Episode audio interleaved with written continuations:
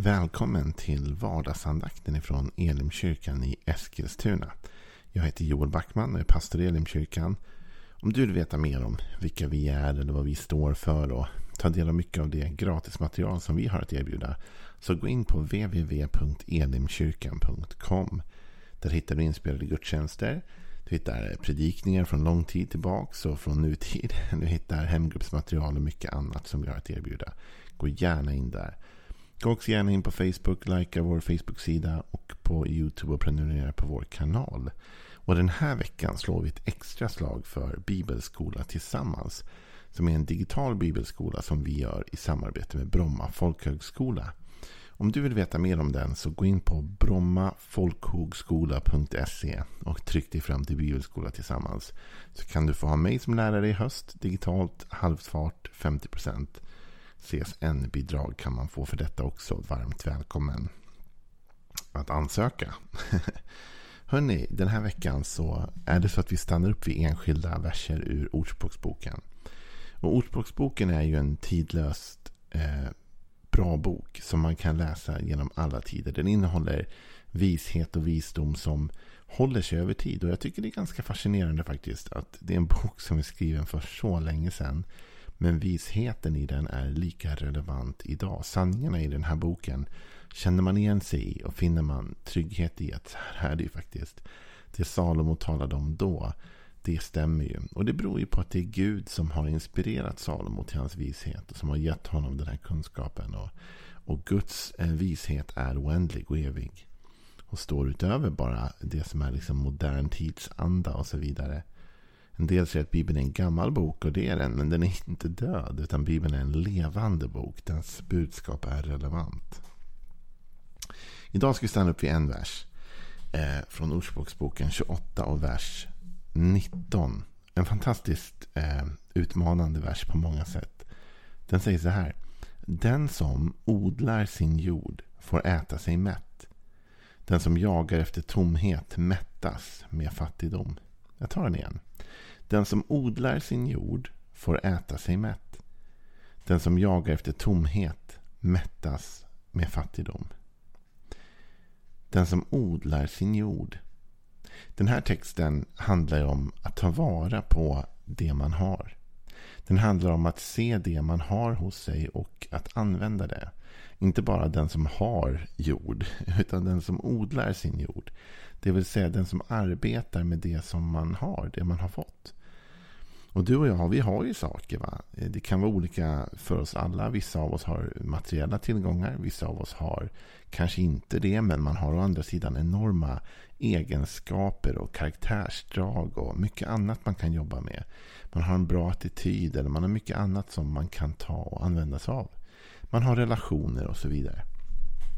Att odla sin egen jord när jag tänker på det här bibelordet så dras jag tillbaka ganska långt eh, i tiden faktiskt. Till Uppsala. Och när jag läste teologi där på Johannelund.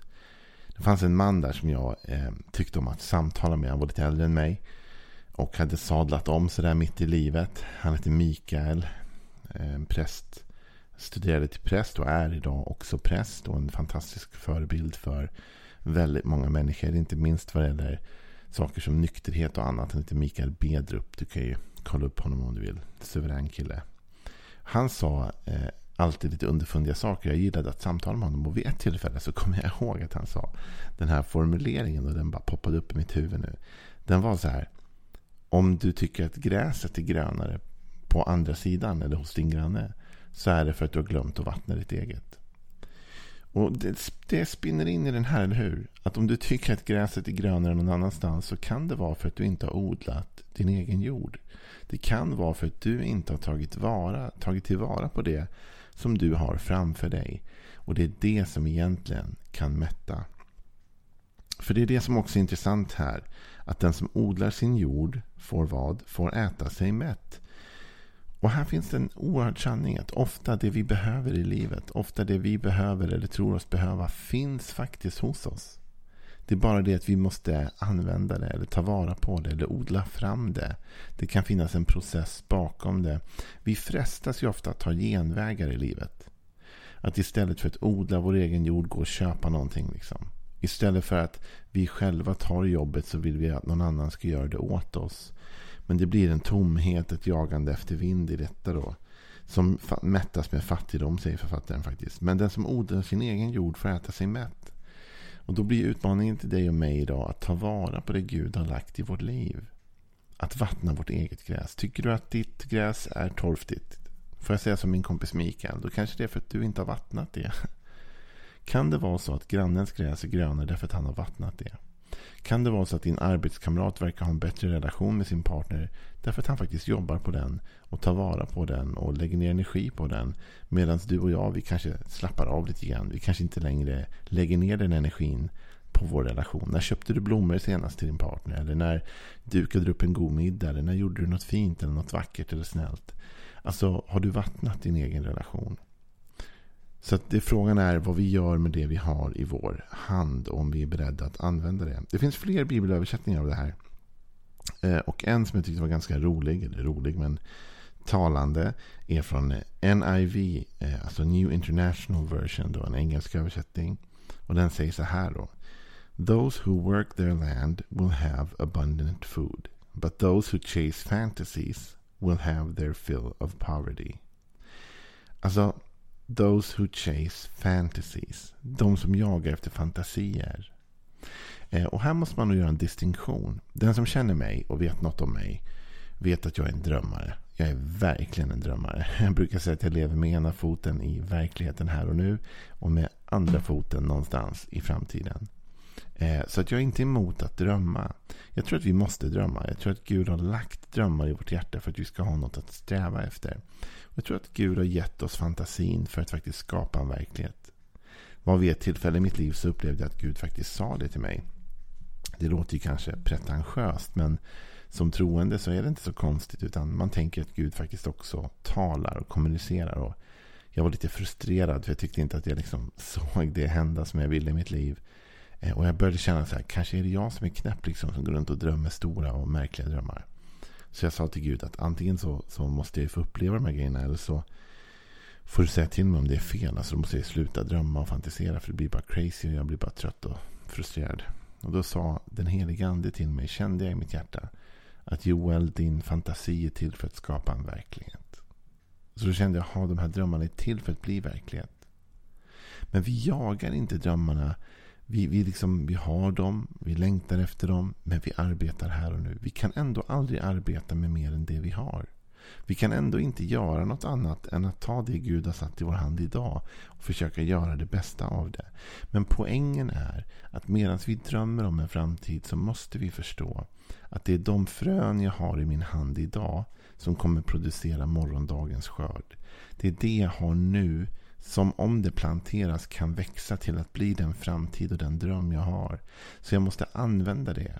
Och då gör vi det här problemet. Va? Vi gör det här misstaget att vi ofta minimerar eller ser ner på det lilla vi har. Vi tycker att ja, jag har så lite. Eller liksom det är så lite som funkar för mig i mitt liv just nu. Eller jag har så få gåvor. Eller ja, det är bara jättelite i min relation som funkar. Eller vad som helst.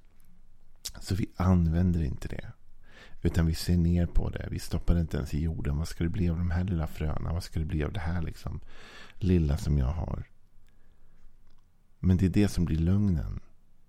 För Bibeln säger att Gud lurar man inte. Det man sår får man också skörda. Och vi vet att det växer upp mer än det man stoppar ner.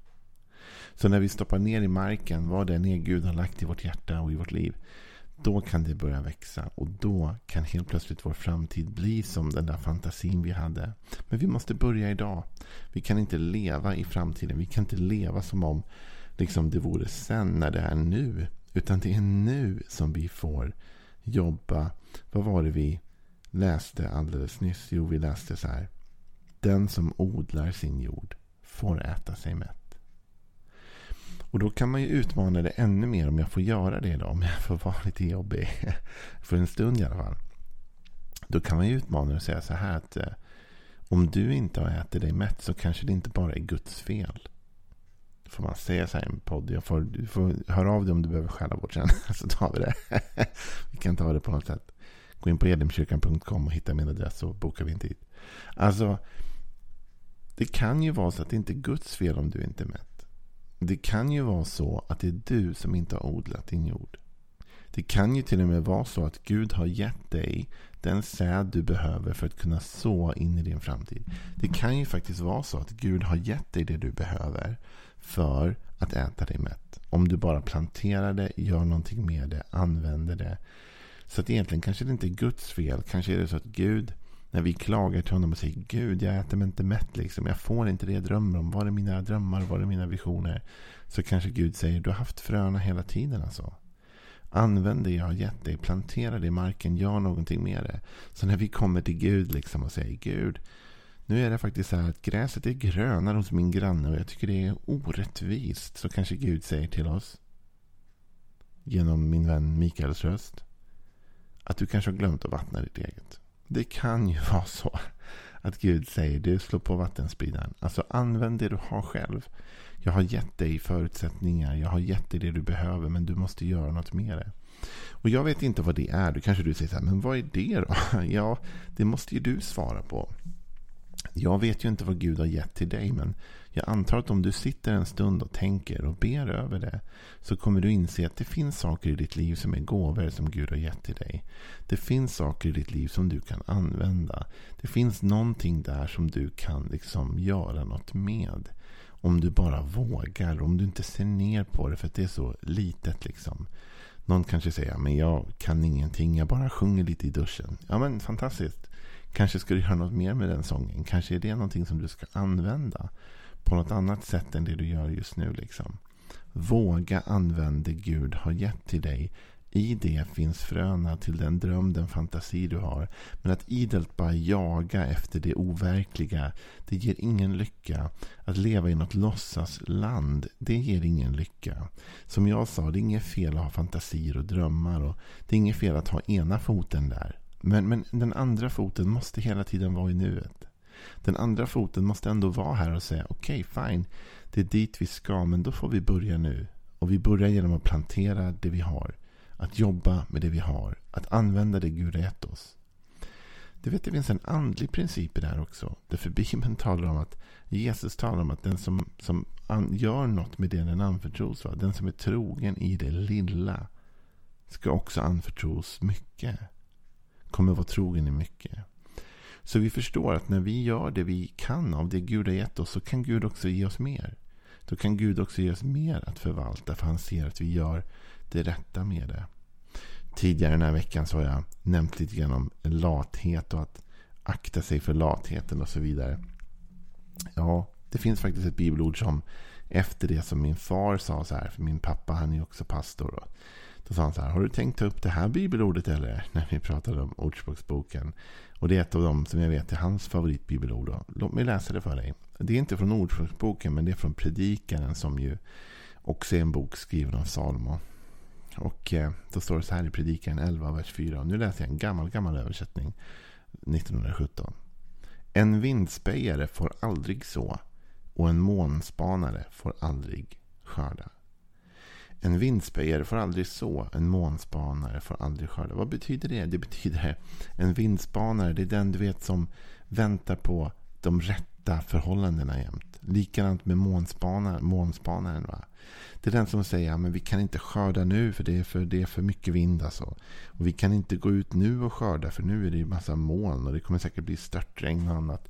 Alltså, man väntar in de perfekta förutsättningarna innan man gör något. Men det är inte rätt väg. Den personen kommer aldrig att komma dit den ska, säger Bibeln. Utan den personen som gör någonting med det den har, det är den som kommer komma någonstans. När jag skrev min bok Lev generöst så var det en sak som jag kom fram till om generositet. Och det är en ganska grundläggande sanning. Men den är viktig. Vem är generös? Jag funderade mycket kring det. Och mitt svar är så här enkelt. Den människa är generös som väljer att vara generös. Det handlar ingenting om hur mycket pengar man har, hur lite pengar man har eller alla andra egenskaper eller gåvor. Vet du vad det handlar om? Inställning. Den människa som bestämmer sig för att vara generös kommer att vara det. Eh, och likadant här, den som bestämmer sig för att använda det Gud har gett den personen, den kommer att äta sig mätt, säger Ordspråksboken. Men den person som föraktar det Gud har gett till en och bara jagar fantasier och drömmar. Den kommer jagas in i ett ekorrhjul som bara leder till fattigdom. Så vad är min uppmuntran till dig idag? Denna eh, onsdag. Vad är min uppmuntran till dig? Jo, min uppmuntran är detta. Vad en Gud har gett dig idag. Använd det. Den som odlar sin egen jord får äta sig mätt. Ta vara på det Gud har gett dig. Vattna ditt eget gräs så att inte grannen ser finare. Se till att ta vara på det Gud har gett till dig. Då kommer du nog ha en fantastisk onsdag tror jag. Var välsignad. Hej då.